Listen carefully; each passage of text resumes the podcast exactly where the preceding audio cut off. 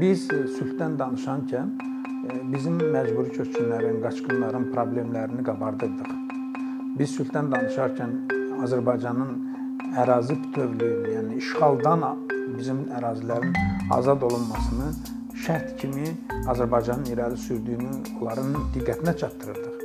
Ermənistan cəmiyyətinin nümayəndələri isə başa düşür, bizi izah eləməyə çalışırdılar ki, bütün bunlardan danışılmaq, danışmaq məsələnin kompleks həllini müzakirə etmədən biraz tezdir.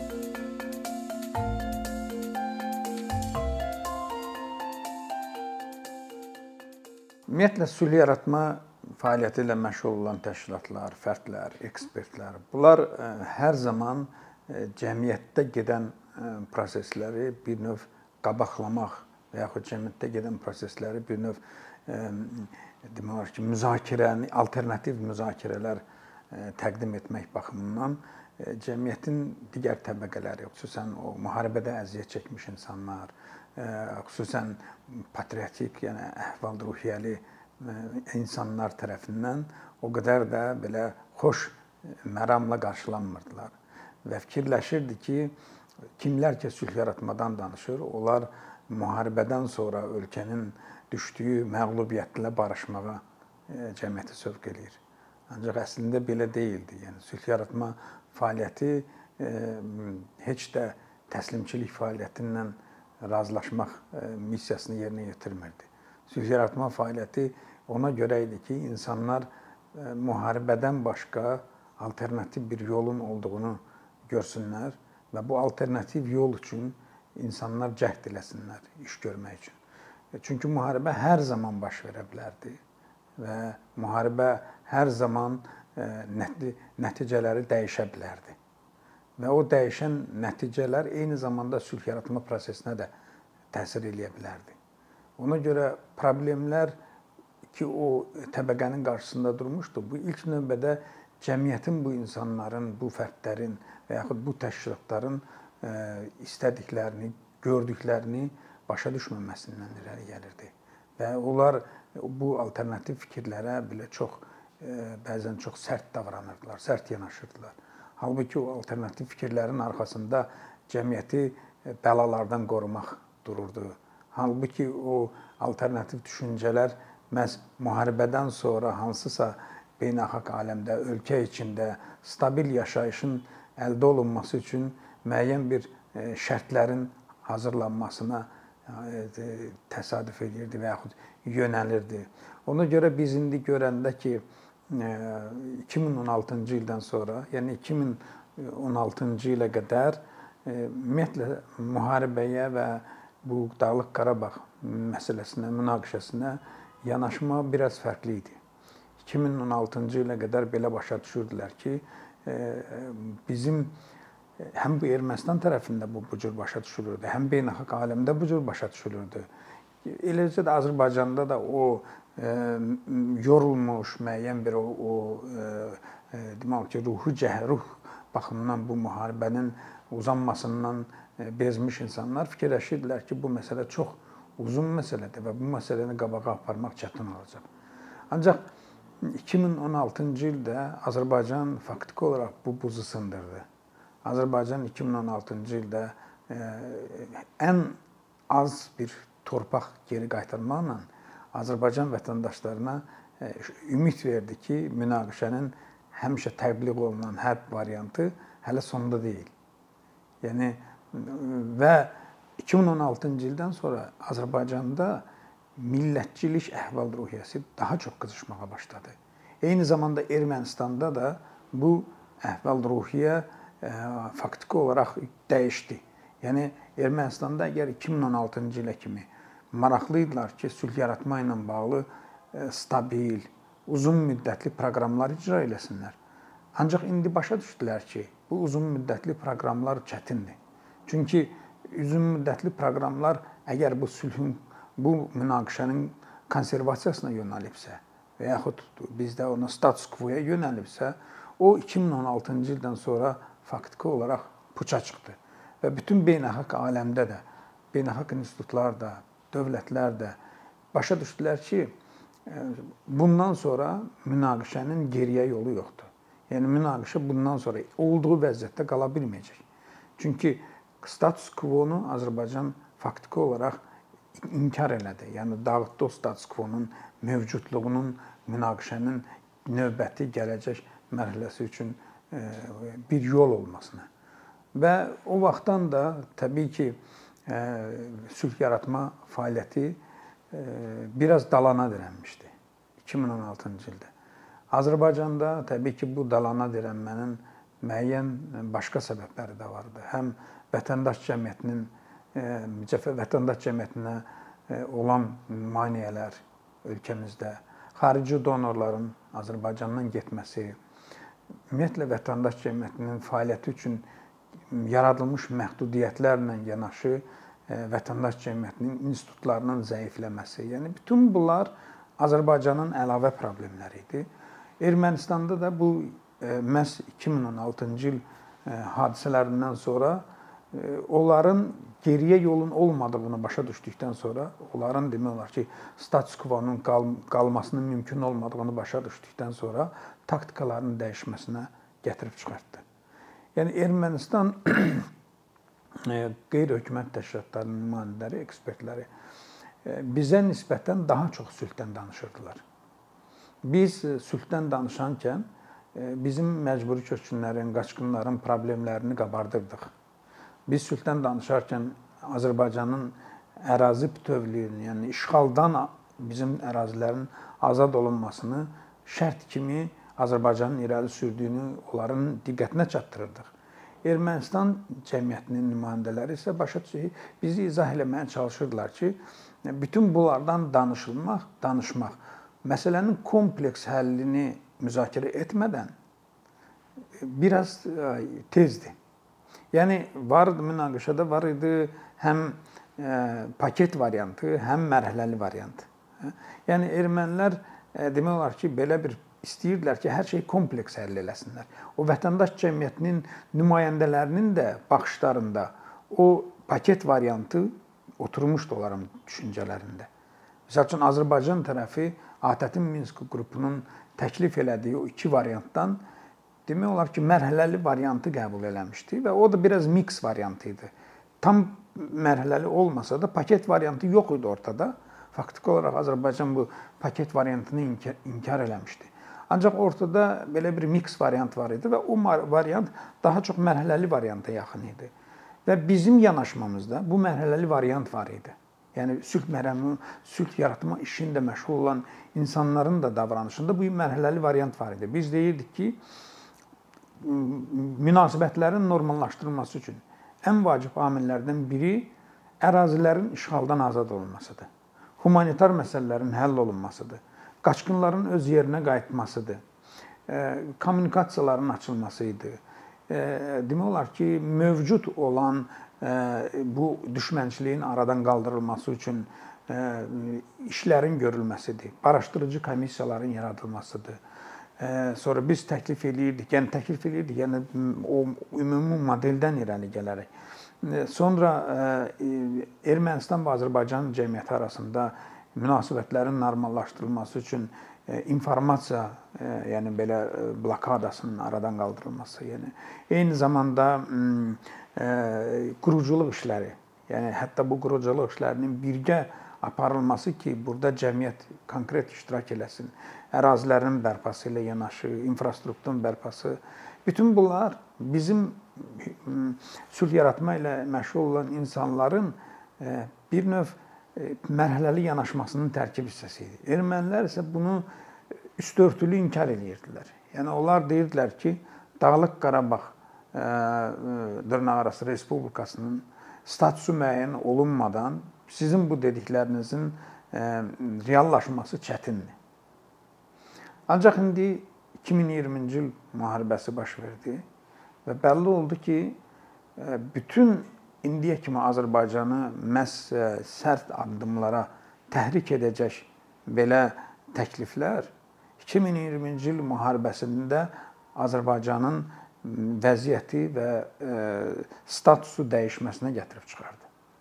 Yəni Azərbaycan 2020-ci ildə indiyə kimi danışılan, müzakirə olunan və faktiki olaraq bütün e, cəmiyyətin qoşulduğu belə bir müzakirələrin, alternativ müzakirələrin e, heç kim inanmadığı bir variantı ilə, hərbi variantı ilə münaqişəni həll etdi faktiki və indi e, yeganə ortalıqda qalan məsələ Dağlıq Qarabağ regionunun həmin indi o Azərbaycanın demək olar ki, əra nəzarəti götürdüyü ərazilərdən başqa Dağlıq Qarabağ regionunda yaşayan insanların hansısa bir formada Azərbaycanla yaşamasının mümkün olmasını indi müəyyən etməkdən ibarətdir. Yəni əsas məsələ indi gəlib buna çıxıb. İndi Ermənistan vətəndaş cəmiyyətinin nümayəndələri müharibənin şərtləri dəyişdikdən sonra onların sülh yaratmaya münasibətləri də dəyişib. Və faktiki demək olar ki, Ermənistan vətəndaş cəmiyyəti nümayəndələri indi sülh yaratma işindən qaçırlar. Yəni onlar indiki vəziyyətdə, yəni birinci təbii ki, orada eyfariya var hələ. O məğlubiyyətin e, yaratdığı sindrom var. İndi o, o sindrom keçilməlidir. O sindromdan sonra ola bilsin ki, onlar hansısa ə, e, məqsədli bir təkliflər, layihələr, ideyalar irəli sürməklə nəyisə nəyisə yeniləyə bilərlər. Ancaq o sindrom hələ durur. O Ermənistan cəmiyyəti e, təmizlənməlidir. O müharibə acısını, aba, yəni e, müharibədə çəkdikləri o dərdləri yaşamalıdırlar. Biz onu 3 il, 4 il yaşadıq. Yəni itkilərimizi mən nəzərdə tuturam. E, itkilər, əsirlər, girovlar, yəni bizim bizimkiləri öz ərazimizdən qovmuşdular. Erməni qaçqınlarına, yəni münasibət biraz yanaşma biraz fərqlidir. Ona görə onlar hamısı keçməsi üçün bir 3-4 il vaxt lazımdır. Eyni Sadə indi sadəcə indi e, bu texniki imkanların indiki səviyyədə olması ola bilsin ki, o bizim 90-cı illə müqayisədə planlaşdırdığımız 3-4 ili 1 il eləsin. Yəni çünki o vaxtda indiki kimi kommunikasiya yox idi. E, o vaxt biz erməni vətəndaş cəmiyyətinin nümayəndələri ilə e, indiki kimi internet olsaydı, bəlkə 1 ildən sonra yenə də bax belə bir e, daha tez e, fikir mübadiləsi apara bilərdik. Ona görə onlar həmin o mərhələni keçməlidirlər və həmin mərhələni keçəndən sonra onlar başa düşəcəklər ki, doğrudan da bu mövcud olan vəziyyət geriyə artıq yol qoymadı onlar üçün. Və onlar mövcud olan vəziyyəti necə biz 30 il bundan əvvəl 26 il daha doğrusu o atəşkəsin imzalanmasından sonra biz 26 il bundan əvvəlki vəziyyəti vəziyyəti müəyyən qədər qəbul eləmişdik və öz yanaşmamızı o vəziyyətə uyğun e, formalaşdırmışdıq. İndi ermənilər də eyni ilə o e, e, indiki düşdükləri vəziyyəti müəyyən bir dövrə qədər, yəni müəyyən bir cəmiyyətin ola bilsin ki, revanş bir şansı olsun və yaxud revanş istəyi olsun, həmin müddətə qədər onlar bu mövcud vəziyyəti qəbul etməli olacaqlar. Və belə çıxır ki, indiki şərtlərlə sülh yaratma işi yeni yenidən başlanacaq. Və indi artıq sülh yaratmanın demək olar ki, trendləri də dəyişir. Sülh yaratmanın ünvanladığı, ünvanlandığı auditoriya da dəyişir. Əgər biz vaxtı ilə Dağlıq Qarabağ erməniləri ilə heç bir təmasımız yox idi. Baxmayaraq ki, bizim ərazimizdə idilər. Dağlıq Qarabağ erməniləri bir bufer zona yaratmışdılar və o bufer zonaya bizim girmək imkanımız yox idi. Minalanmışdı hər şey. Ya o bufer zonanın arasındakı məsafə çox böyük idi. İndi biz Dağlıq Qarabağ erməniləri ilə demək olar ki, qonşuyuq. Artıq divar-divarayıq və yaxud nə bilim hansısa yolun o tərəfində onları görürük və yaxud post biri onların, biri rus ə, ə, sülh məramlarıdır, biri də o ə, insanların bizim əsgərlərimizdir. Bizim əsgərlərimiz orada gedən erməniləri görürlər. Hətta bəlli olur ki, indi bizim əsgərlərimiz ermənilərin yaşadıkları məntəqələrə də girə bilirlər bəzən sülh məramlarının müşahidindən. Yəni indi bizim təbii ki, bundan sonra erməni Ermənistan cəmiyyəti ilə münasibətlərimiz biraz uzanacaq. Yəni Ermənistan vətəndaş cəmiyyəti ilə bizim danışa biləcəyimiz mövzular azalıb. Çünki Azərbaycan hökuməti elan edir ki, bizim üçün o Dağlıq Qarabağ bölgəsinin heç bir statusu yoxdur. Və bu statusun olmadığı bir müddətdə təbii ki, Ermənistan vətən, vətəndaş cəmiyyəti və yaxud sülh yaratma işi ilə məşğul olan insanların bu müzakirədə e, iştirakının bir bazası hələ yoxdur. Yəni biz əgər statusu müzakirə eləmiriksə və biz sadəcə Azərbaycan hökuməti bundan sonra məhz həmin ərazidə yaşayan insanları öz vətəndaşları kimi qəbul edib onları inteqrasiya elətdirmək haqqında düşünəcəksə, burada yanaşma dəyişəcək. Həm həm də e, bizim auditoriyamız, ünvanladığımız auditoriya dəyişəcək. Yəni qeyd elədiyim kimi bundan sonra Azərbaycan hökumətinin də, Azərbaycan e, informasiya məkanının da, ictimai e, strukturlarının da əsas e, hədəfi o olacaq ki, onlar Dağlıq Qarabağda yaşayan erməni əhalisi ilə münasibətlər qursun. Yəni o münasibətləri artıq birbaşa onlarla qurulası olacaq. Rus məramları necə ki Dağlıq Qarabağdadır, Təbii ki, o Rus məramları bu münasibətlərin qurulmasında, yəni bərpası da demək olar, qurulması daha yaxşıdır. Çünki e, artıq 30 ildən çox vaxt keçib o yaşlı nəsil hansılar ki, bizlə birgə yaşamışdılar. Onlar e, həyatdan köçüblər və yaxud onlar yəni yaşlaşıblar. İndi yeni nəsil var. Yəni yeni nəsillə təbii ki, münasibətlərin qurulmasına ehtiyac qurulmasına ehtiyac olacaq. Ona görə də yəni Azərbaycan hökumətinin də, Azərbaycan cəmiyyətinin də e, əsas hədəfi olacaq ki, o insanlarla işbirliyi, işləsinlər. Onların mədəni yaxınlığı, bizlə onların mədəni yaxınlığını, iqtisadi onlarla bizim əməkdaşlığımızın və yaxud onlarla bizim birgə yaşayışımızın iqtisadi tərəflərini, e, siyasi tərəflərini, hətta e, psixoloji tərəfləri müzakirə etsinlər və e, onların e, infrastrukturunun və yaxud onların e, idarəetmə strukturlarının nə qədər Azərbaycan infrastrukturu və idarəetmə strukturlarına intensiv demək olar ki, inteqrasiyası tez olacaqsa, bir o qədər də bizim həmin insanlarla işi qurmağımız və həmin insanlarla birgə yaşayışımız daha asan olacaq. Mənə elə gəlir ki, burada əsas amil ondan ibarətdir ki, dövlət həmin insanlara, orada yaşayan ermənilərə qarşı bizim içərimizdə indi olan, deməli, indiyə kimi mövcud olan o hissləri biraz necə deyirlər, tərbiyə etsin. Biz Təbii ki, artıq nəticəni əldə eləmişik. Təbii ki, o nəticə indi artıq Azərbaycanın istədiyi nəticədir. Biz öz torpaqlarımızı geri qaytarmışıq. Biz e, nəzarəti geri qaytarmışıq. Biz Qarabağ üzərində e, müəyyən qələbə qazanmışıq. Bizim əgər insanlar Dağlıq Qarabağda yaşayan ermənilərə indiyə kimi bizdə mövcud olan o düşmənçilik ritorikasını saxlayacaqlarsa, bu bizim sonrakı addımlarımıza çox pis təsir eləyəcək. Yəni biz udmuş bir tərəf üçün bizim ölkəmizin vətəndaşı sayılan faktiki olar, de jure olar bizim e, vətəndaşlarımızdır, ancaq de facto onlar Ermənistan pasportundandır. Hə? Ancaq BMT-nin sənədlərində onlar bizim vətəndaşlarımızdır. Ona görə yəni bax bu cür onlarla bizim münasibətlərimizi normal saxlamaq üçün bizim bu ritorikamız yumşalmalıdır. Bu yumşalan ritorika bizə xeyirdir.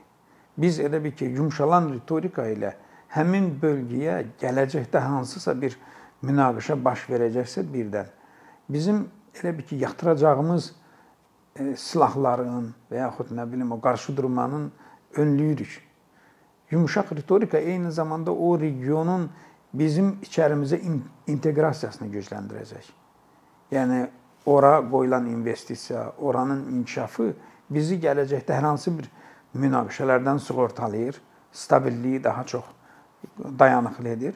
Eyni zamanda e, bizim də e, gələcəkdə e, beynəlxalq aləmdən və yaxud qonşumuz olan Ermənistandan və yaxud bu günləri orada sülh məramlılıq missiyasını yerinə yetirən Rusiyadan hansısa belə asıllığımızı azaldacaq. Və mən elə gəlir ki, bu bu gün Azərbaycan cəmiyyətinin qarşısında duran əsas çağırışlardan biri budur ki, biz e, bundan sonra daha e, stabil yaşayış üçün, daha dayanıqlı yaşayış üçün e, bizim vətəndaşımız sayılan və bizim vətəndaşlığımızı hələ sənətlə sənətdə əldə etməyən insanlarla çox yumşaq və normal davranışa öyrənə bilək. Əkinçinin yeni videoları haqqında məlumatlı olmaq üçün kanalımıza abunə olmağı və xəbərdarlıq funksiyasını aktivləşdirməyi unutmayın. Bununla bərabər gördüyümüz işlərin davamlı olmasını istəyirsinizsə, bizim patronların sırasına qoşulmağınızı rica edirik. Əkinçinin Patreon icmasının üzvü olaraq siz bizim təşəbbüsə dəstək göstərməklə bərabər hazırladığımız materialları hər kəsdən öncə izləmə imkanı əldə edəcəksiniz.